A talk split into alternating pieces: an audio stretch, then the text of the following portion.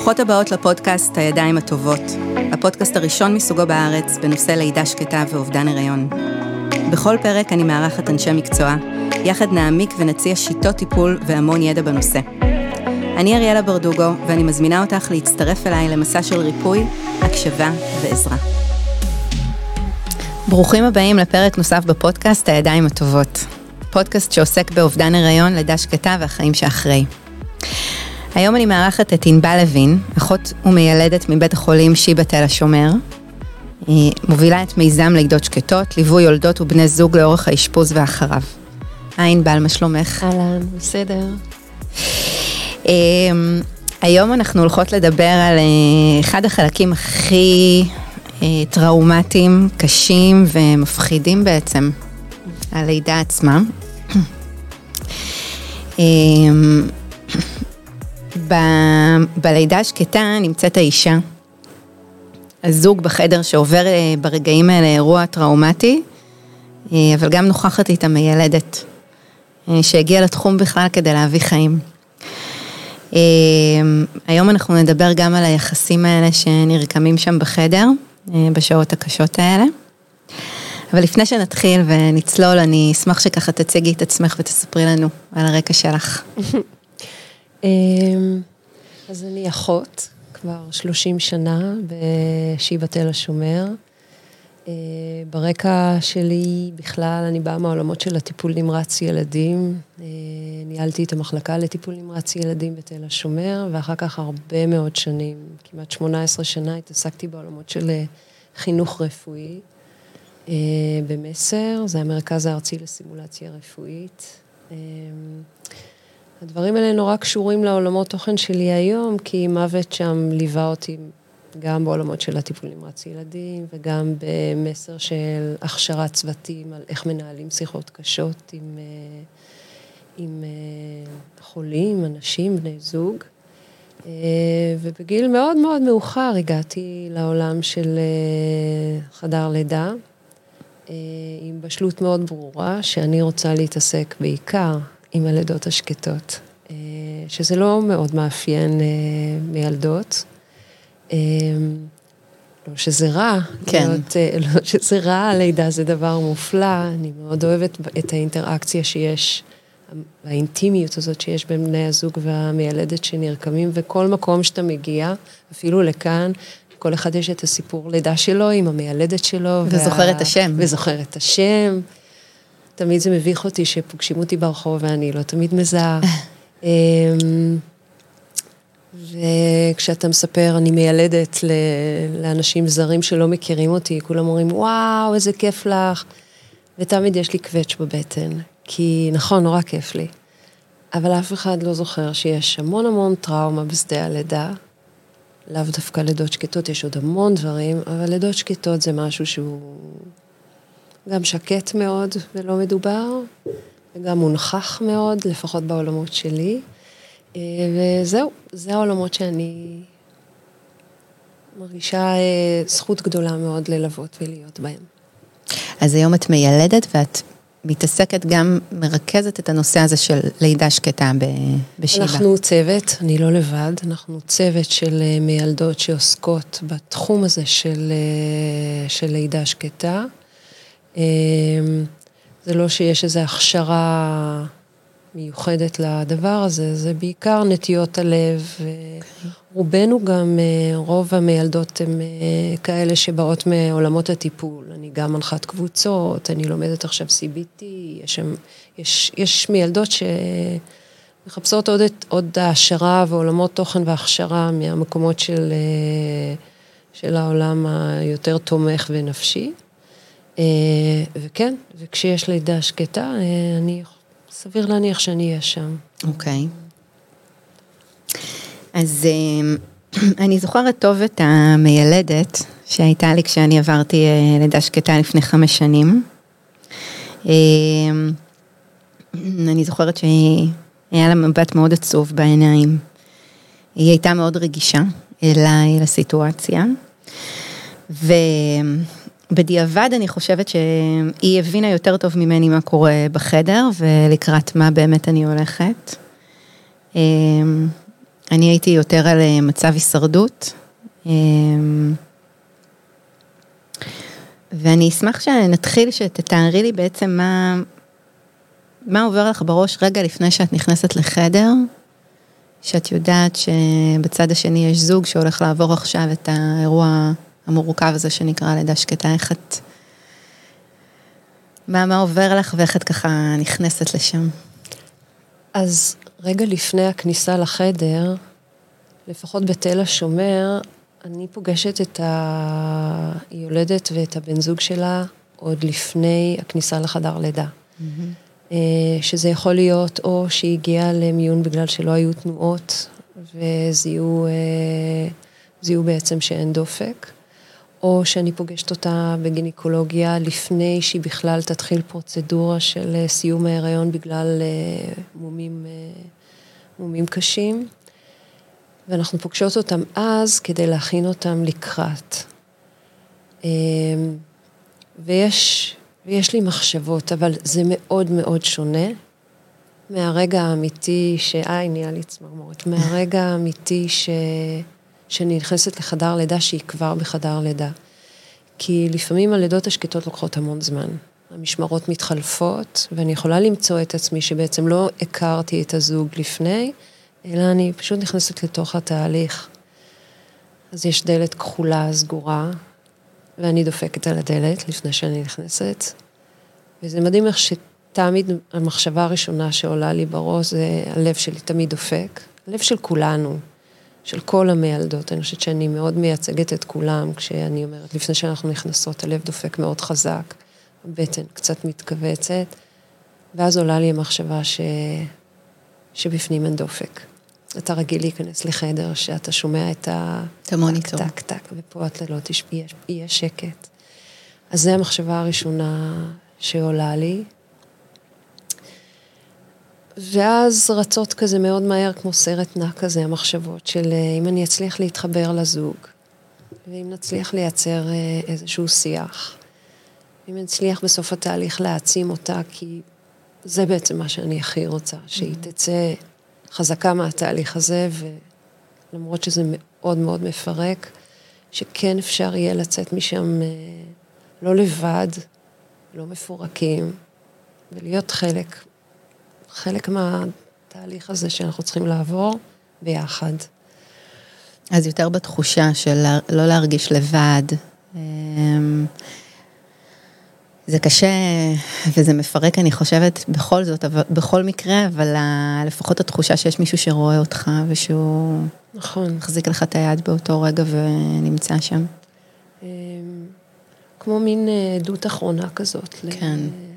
לתהליך הזה. אמ, דיברנו מקודם על אבל שהוא אה, לא מוכר, אה, כן.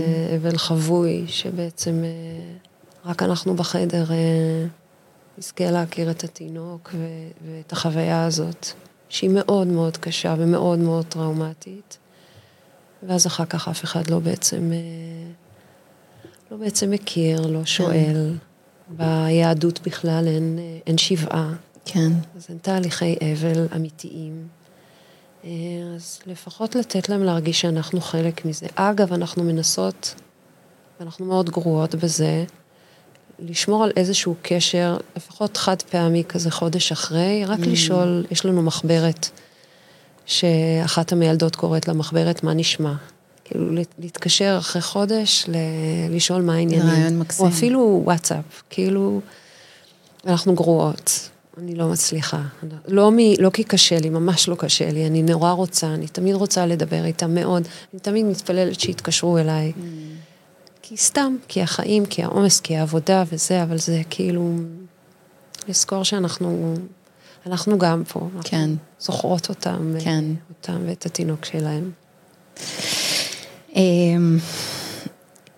כש, כש, כשזה, אני חושבת על אנשים שעוברות את זה כפעם ראשונה בכלל חוות לידה. אה, אני למזלי, היה לי תינוק בבית ועברתי לידה. אבל כמה קשה זה כשזאת עוד הלידה הראשונה, שזה נצרב כתהליך ראשון. אמ,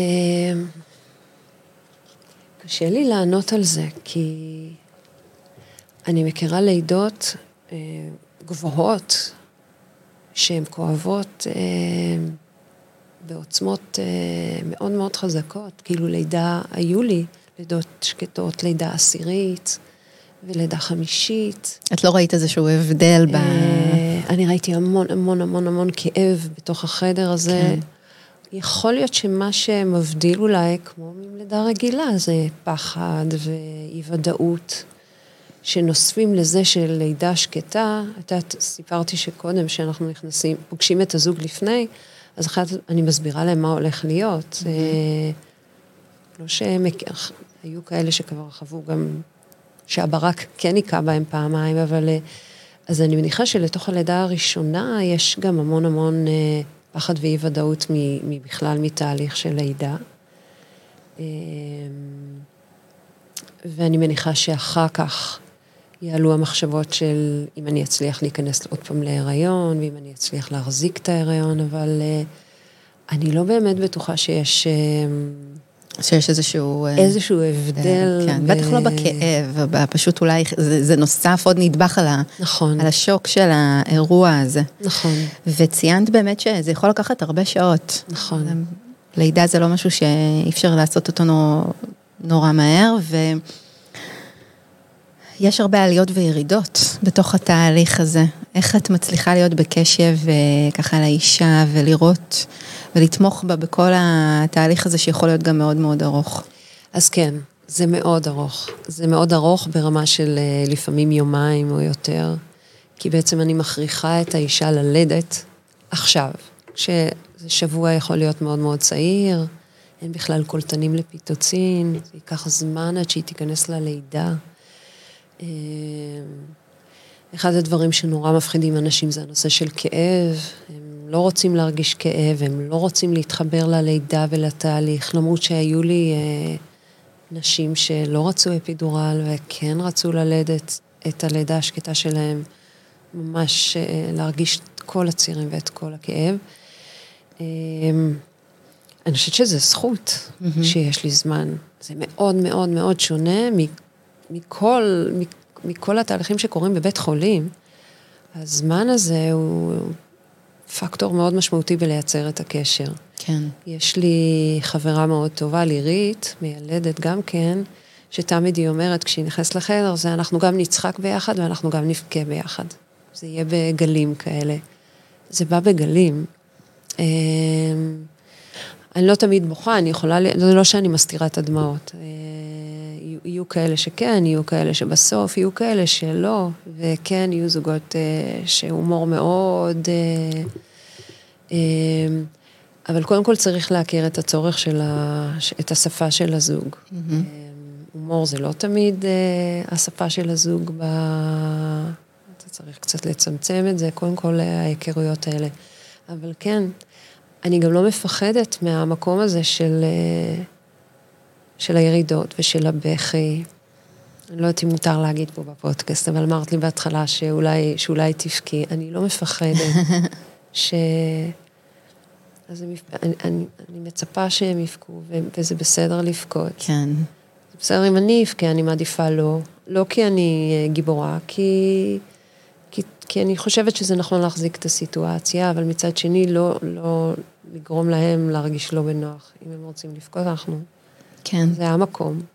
עוד יהיו עוד הרבה אירועים כאלה, אבל זה גם המקום לשאול את כל השאלות הכי מפחידות, והכי מביכות, והכי לא נעימות, ואני רוצה שיהיה לנו את הקרקע הזאת.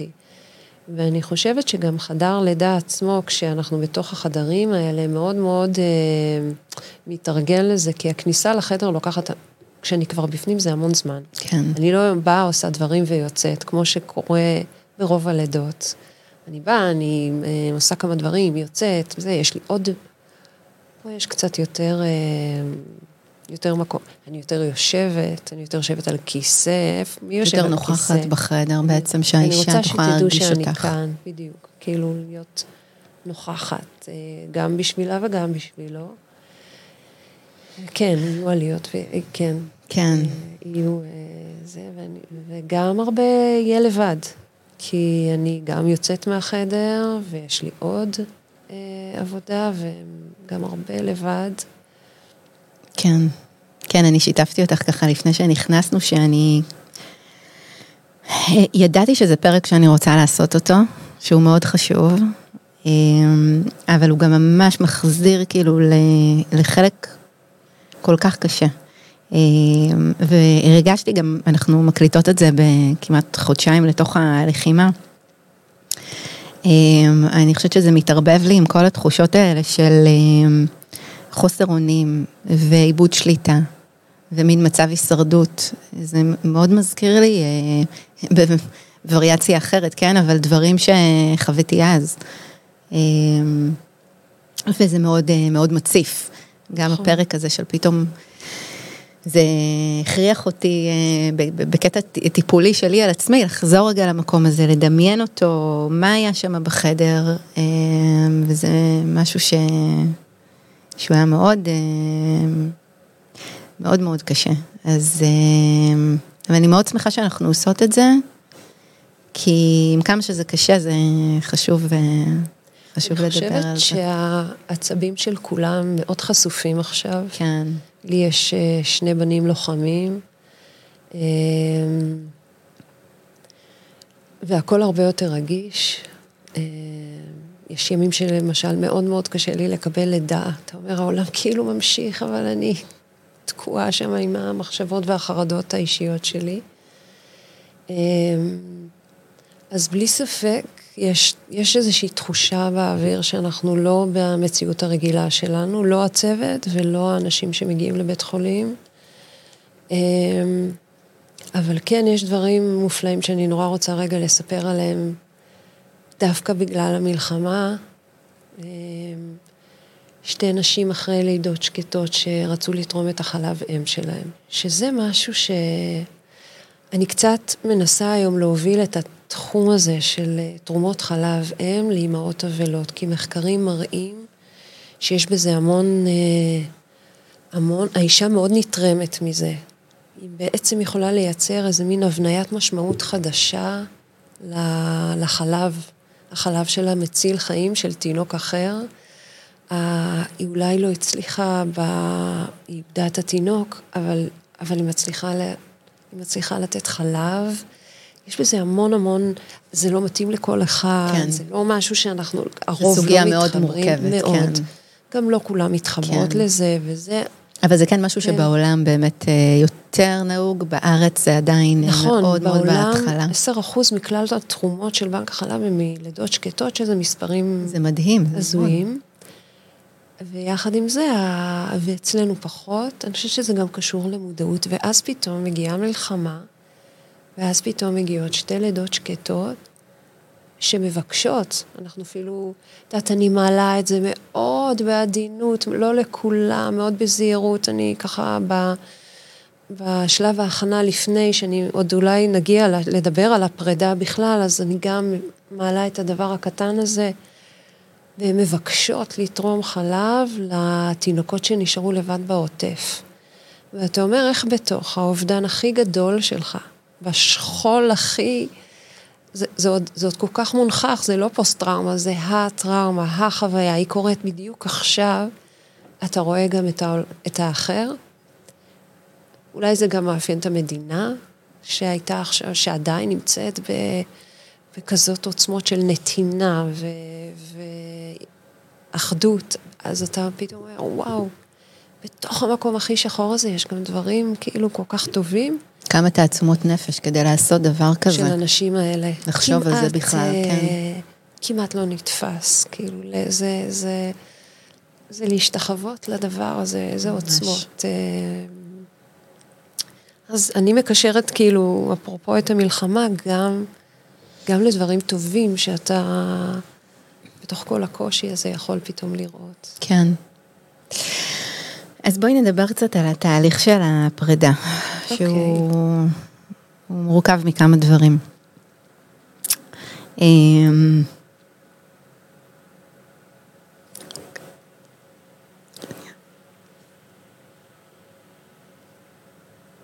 לא שאלתי אותך אף פעם, את נפרדת? כן. אוקיי. רוצה לספר איך נפרדת? כן. אז אני נפרדתי. זה מדהים שאני זוכרת את המיילדת ואת החדר ואת הכל, אבל את, ה, את הפנים של התינוקת, אני לא זוכרת. זה משהו שהמוח שלי אה, ממש אה, מחק, זה קטע. אמ, זה היה מאוד קשה. אמ, בעצם ברגע הזה שה, שהתינוק פתאום הוא יוצא, אז זה הופך להיות מוחשי. רגע, יש לו גוף, יש לו פנים, אני, רגע, אני מחזיקה אותו, אולי הוא בסדר, אולי הוא יושן, אולי כולם טועים. אמ, ורגע הפגישה הוא גם רגע הפרידה. נכון. אמ, זה, זה חיים שהתחילו והסתיימו, וזה אה, אה, משהו שמאוד קשה אה, לתפוס אותו ולהכיל אותו. אמ, אז היה לי חשוב להיפרד, ידעתי שזה יהיה מאוד קשה, אבל אמרתי שאני לא יכולה לוותר על ה... לתת לעצמי את הכרטיס יציאה מהקושי הזה. ומשהו שמאוד היה חשוב לי, ואני חושבת הוא מטריד את אה, מנוחתן של הרבה נשים, זה מה קורה ברגע שהתינוק יוצא מהחדר. אה, והאם אה, מתייחסים בכבוד. האם שומרים עליו והוא לא הופך להיות איזה, כי, כי בסוף אנחנו אה, הורים.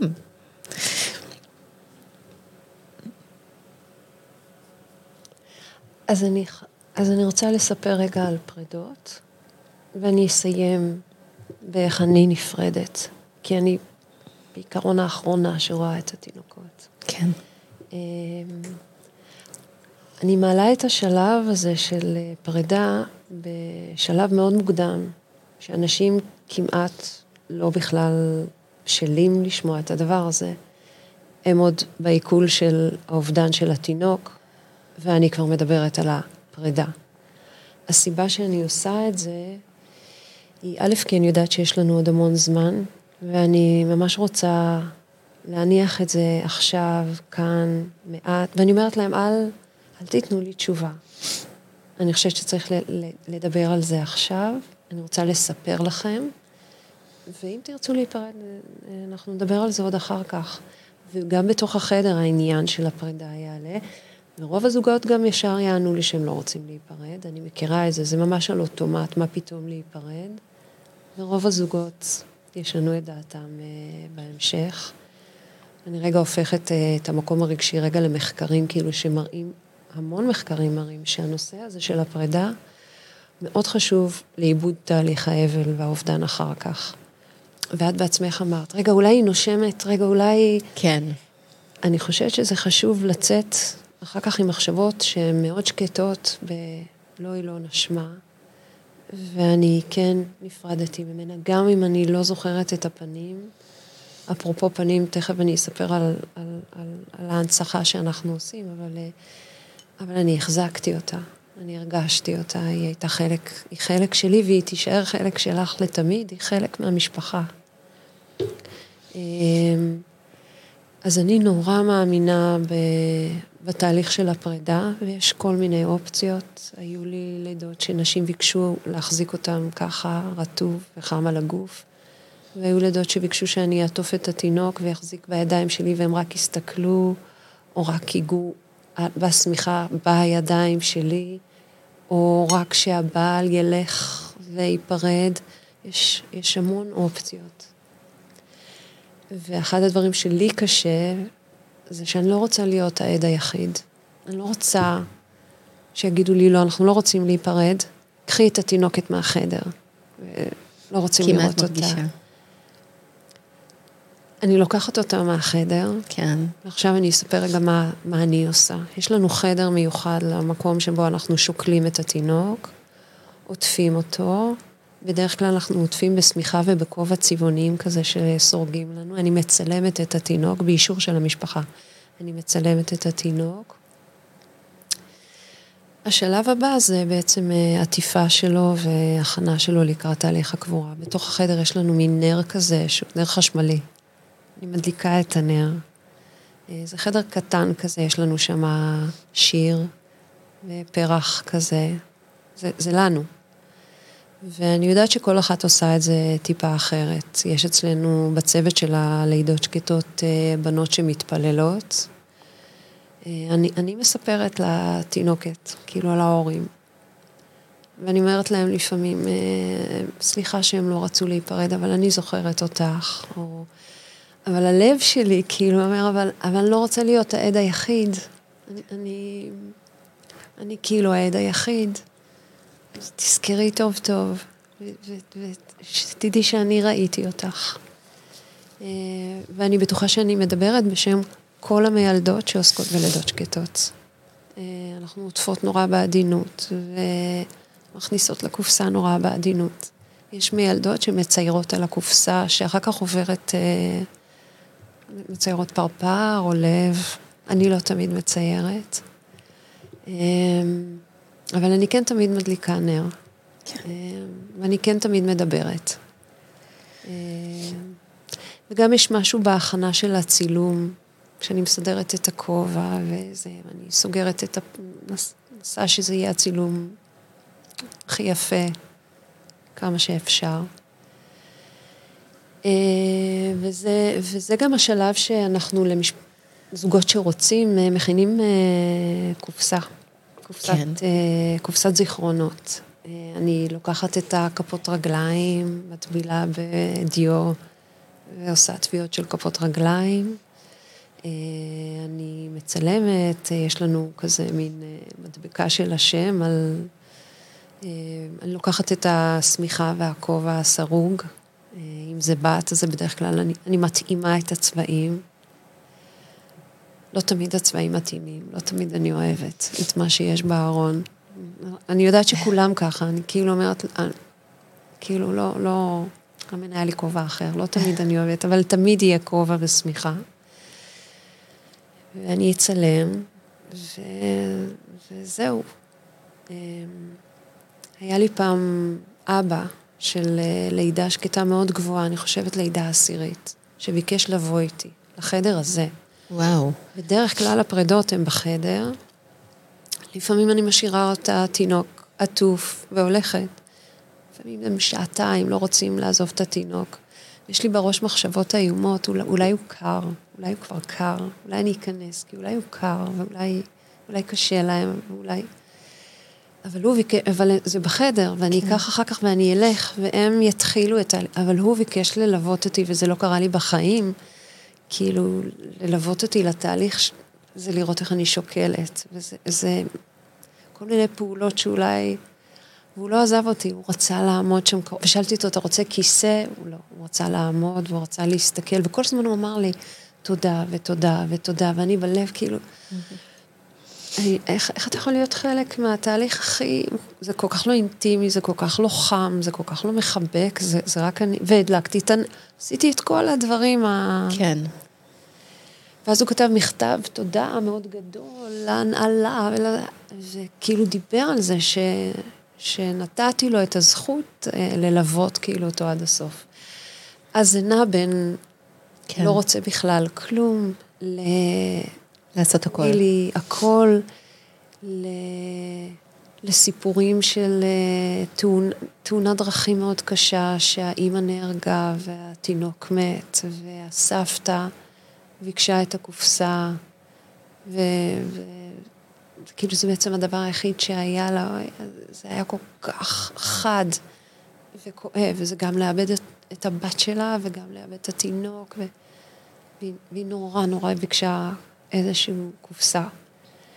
אז האמונה שלי שאני לא לוחצת, אני לא לוחצת עליהם, אולי אתם רוצים, אולי תיקחו, אולי תיקחו קופסה, יש לנו קופסה מאוד מאוד יפה, אני לא ככה. את פשוט מביאה להם אותה. לא, אני, ואני גם לא באה ואני אומרת, תודה, קחו את הקופסה, לא, אני, אני מאוד אה, עושה את זה, הכל בהסכמה ומאוד בעדינות, אבל אני חייבת להגיד שכל ה-DNA שלי מאמין וצועק כנראה שהפרידה איזה סוג של, שלא תבחרו, היא כל כך קריטית להמשך. ואני יכולה לעשות אותה מלאה בפריטים קטנים ותמונות, ואפשר גם כלום, אבל אם מישהו שומע וכאילו לא, עדיין לא חווה, וחלילה שיחווה, אבל אני נורא נורא חושבת שפרידה היא, היא, היא קריטית. כן. בכל, כל דבר, כל, כל וריאציה שתרצו נקיים, ואני מדברת לדעתי בשם רוב המילדות. אמ, אם כי יש כאלה שאם רגע נסתכל עלינו ועל מה שאנחנו חוות, אמ, אירוע מאוד מורכב. כן. אה, ואני לא מתפלאה אם יש מילדות שמתפללות שיגידו, בבקשה, אל, אל, אל תכניסו אל, אותי. אל תכניסו אותי לזה, לא רוצה קופסה, לא רוצה להתעסק בזה, אני, רוצה, אני חייבת להמשיך הלאה בשביל שגם אני אוכל לשרוד את, ה, את האירוע הזה. אה, טראומטיזציה משנית, שמאוד מלווה אנשי צוות, היא מונחחת מאוד בעולמות האלה של אה, לידות שקטות. כן. כן, אני יכולה לתאר לעצמי, כי מי שבאה להיות מיילדת, באה עם אה, פנטזיות אחרות לגמרי. כן. אה, וזו סיטואציה שהיא ממש בדיוק ההפך המוחלט של הדבר. נכון. בוא נדבר קצת על הגברים בחדר.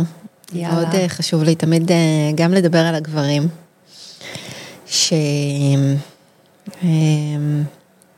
שנמצאים שם וצריכים גם לתמוך באישה שלהם. גם עוברים אה, אירוע טראומטי בעצמם, כי הם גם מאבדים פה ילד. אה, אולי לא תמיד מוצאים את עצמם בתוך, אה, בתוך המקום הזה. מה, מה, מה את רואה? איזה דברים את רואה? כשאת מדברת, פתאום עוד פעם עלתה לי המלחמה בראש. הייתה לי ממש לא מזמן לידה שקטה, אחת שהוא בא ישר מהשטח, עם, עם כל ה outfit, נשק ואבק, ו... אז תכף נדבר גם על זה. הגברים הם אה, עם לידה שקטה אילמת. אני חושבת שגברים הם חלק מה... מאוד אילמים בבדידות שלהם. אני כל הזמן, גם פה, כל הזמן משתדלת להזכיר לעצמי ולהגיד זוג, הזוג, בני הזוג. החדר שלנו בחדר לידה, קוראים לו חדר 16, זה חדר מאוד מרוחק משאר החדרים, אבל בגלל המבנה שלו, המיטה של היולדת בצד אחד, והכורסה של הגבר בצד שני, ויוצא שפיזית, אני, אני לא יכולה לקלוט את שתיהם, את שניהם. אני לא יכולה, אין לי מספיק זווית רחבה. אם אני מדברת, אני מדברת אליה, ואז מפנה אליו, אם אני מדברת אליו, ואני מרגישה שלפעמים אני עושה כמה צעדים אחורה כדי להגדיל את הזווית, אבל אז אני רחוקה, כאילו איזה מופע, אז אני מתקרבת. ו... אז זה אירוע כזה, ש... וזה מצחיק, כי אתמול הייתה לי לידה שקטה, ודיברנו, ואז הוא לקח את הכיסא ונדחף במקום כמעט שאי אפשר להיכנס בו, כי הוא רצה שנהיה שלושתנו. Mm. ואמרתי בראש, וואו, איך אף פעם אני לא... אבל אי אפשר לדחוף לשם באמת את הכיסא. ו... אז כאילו אפילו בפיזיות, בהנכחה הפיזית, אני מרגישה... את הריחוק. את הריחוק הזה של... אה, כן, גברים הם... אה, גברים הם ברובם מאוד משימתיים. אז את רואה איך הם לוקחים על עצמם את הצד המשימתי. אני המגן. אני זה שאחר כך יודיע בגן ובמשפחה, אתה תעשה את הטלפונים, הם מוצאים את עצמם, אחר כך לפעמים הולכים עם התינוק שלהם, לא בבית חולים, אצלנו זה לא קורה, בבתי חולים הם צריכים להעביר את התינוק בעצמם לפעמים. באמת? הם בעצמם עדיין כן. זה... יש, יש אירוע, שמעתי על אירועים גם כאלה. אה, מהר מאוד לחזור לעבודה. כן. אה, מהר מאוד אה, לתמוך אם יש משפחה, אז מהר, מהר להחזיר, הכל מאוד מאוד... אני חושבת שבחדר הזה הם לא יכולים כל כך להיות משימתיים, אי אפשר לברוח מזה. נכון. אני זוכרת שברגע הפרידה שיצאה התינוקת, אני פעם ראשונה שמעתי את בעלי בוכה, בחיים לא שמעתי אותו, בוכה מתייפח. אי אפשר, אפשר אחר כך הרבה לברוח מזה. אפשר לפני להדחיק את זה באיזושהי, באיזשהו אופן, אבל יש רגע אחד בחדר הזה שאי אפשר לברוח מזה. את יודעת, את אומרת אי אפשר לברוח מהחדר, אבל אני חושבת שאפשר לברוח. אפשר? הם, הם, הם בלי אפידורל, כן. הם יוצאים הרבה החוצה. ומה הם פוגשים בחוץ? גברים אחרים שמחכים... שעוברים משהו אחר לגמרי. משהו אחר, ואומרים לו, גבר, מזל טוב. מה אתה אומר לכאלה דברים? ותמיד כשהם יוצאים, ואני רואה אותם עוברים בפרוזדור, זה עף לי בראש, כאילו, את מי הם יפגשו, בפרוזדור בחוץ, כשהם הולכים עכשיו לקנות קפה. וזה שנגיד הוא בוכה, אולי הם חושבים שהוא בוכה מהתרגשות. כן. אף אחד לא מעלה בדעתו מה הוא פוגש. אפרופו, דיברנו על מלחמה, אז אנחנו באים ממלחמה, אנשים שסחבו אולי פוסט-טראומה שלהם מהצבא, מהמלחמות הקודמות, וגם עכשיו. אני לא יודעת, נגיד הבחור, הזוג שאני פגשתי, נהרגו לידו, ואז אני מכניסה אותו לתוך חדר שעכשיו הוא הולך לעבור את אחת החוויות המאוד מאוד קשות שלו. מחקרים מראים שהעניין הזה של פוסט-טראומה חוזרת, זה חתיכת טריגר, כן. האירוע המורכב הזה. אמ, אני חושבת שפעם ראשונה שבאמת שמתי במודעות את הנושא של הגברים היה ששמעתי הרצאה של אמ, דוקטורט על, אה, על גבר, כאילו דוקטורט שנכתב על גברים אה, שקטים, שהיא גם חברה שלי, נורית גלזר, ש, שזה ממש שם את זה בפרצוף. כי אני באמת חושבת שאנחנו כמיילדות, לא מספיק שלא נוח לנו, לא מספיק שלא בא לנו להישיר מבט, לא מספיק את כל, גם עוד להכניס למשוואה את הבעל, וואו. כן. כאילו, תרפו קצת. יותר קל לכן להתרכז באישה כן. ובתהליך. קשה, ו... בתהליך, בטכני, בכאב, ולדבר איתה בזה, בל... אבל יש שם עוד מישהו. כן. נכון, הוא לא... ו... וגם פה, כמה הוא נזרק לצד, כי לא הוא עובר, ואני מניחה שהוא מספר את זה לעצמו, לא הוא עובר את הכאב, ואת החוויות, ואת המאמץ של, של תהליך הלידה, וזה כל כך לא נכון, וזה כל כך לא רגיש. אז אני מניחה שלפחות אני, ואני יודעת שעוד רבות כמוני, מאוד מנסות אה, כל הזמן להגיד הזוג, הזוג, שזה השלב הראשון להכניס לתוך המשוואה הזאת של אה, יש פה עוד מישהו אה, בתוך החדר. כן. זה מאוד חשוב לשים לב לזה, זה מתחיל בסמנטיקה, במילים, כמו שאת אומרת, ו... אמ, אז ככה לקראת uh, סיום, אני יודעת שככה שדיברנו, יש לך הרבה מאוד שנים של ניסיון בנושא הזה של לידה שקטה, מכל מיני זוויות. ומה המסר שתרצי להעביר לאנשים שעברו לידה שקטה ומאזינות לנו עכשיו? אתמול כשעשינו הכנה, אמרת לי שתשאלי אותי את זה, אז אמרתי, אני רוצה להביא, רגע, אני רוצה לקרוא, להקריא משהו, אני רוצה... אה, אז כתבתי איזה משהו קטן. אה, יש לי כמה מסרים, אבל אני רוצה להתחיל עם זה. אה, אם אתה רוצה להרים אדם השקוע ברפש ובבוץ, אל תחשוב שאפשר לך להישאר מלמעלה ודי לך שאתה מושיט את ידך. עליך לרדת כולך למטה אל תוך הרפש והבוץ. כאן, תפוס אותו בידיים חזקות ומשוך אותו ואת עצמך אל תוך האור. אה, זה הרב אה, שלמה הלוי מקרלין, 1792. אה, אני רוצה להגיד שבתוך החדר, המיילדות שאיתכן בחדר, הן לגמרי חלק מהכאב ומהתהליך, והן נכנסות לשם בלב מלא. הרפש של, ה, של האמפתיה אה, מציף אותנו, ואנחנו מתלכלכות בזה לגמרי, שאתם לא לבד. אני רוצה להגיד ש, שלפחות בתפיסה שלי, זה לא משהו שאפשר להשתיק. זה תינוק שלכם, והוא רשום ב-CV של, ה, של המשפחה. ואני יודעת מ... נשים שחוזרות אלינו אחר כך, אחרי הלידה השקטה, ונשים שאני שומעת עליהן אחר כך, שזה... הם לא קפאו שם, הם המשיכו הלאה. ואני יודעת שמתוך שבר צומחים. לא תמיד לאותו מקום, לפעמים, כמו שאת פתאום מגלה דברים חדשים שאת רוצה לצמוח מהם, זה לא קורה ישר, זה לוקח המון זמן. אבל אני מכירה את הנשים ואת הגברים שמהמקום הזה צמחו. אה, וצריך להחזיק את זה אה, מאוד מאוד חזק בשתי הידיים. ולזכור שאנחנו אה, שם, ואם אם רוצים לדבר איתנו, אנחנו לא פוחדות מדמעות, ואנחנו לא פוחדות מהכאב, אנחנו שם בשביל זה. אמ, וזאת זכות ענקית ללוות את הנשים, אותך ונשים כמוך, שעברו לידה שקטה. זכות ענקית. מקסים. ענבל, תודה רבה. תודה שבאת. ו... ושדיברנו על אה, דברים ממש חשובים. בשבילי זה היה ממש אה, טיפולי רגע לחזור אחורה ו... ו... ולפתוח את זה ו...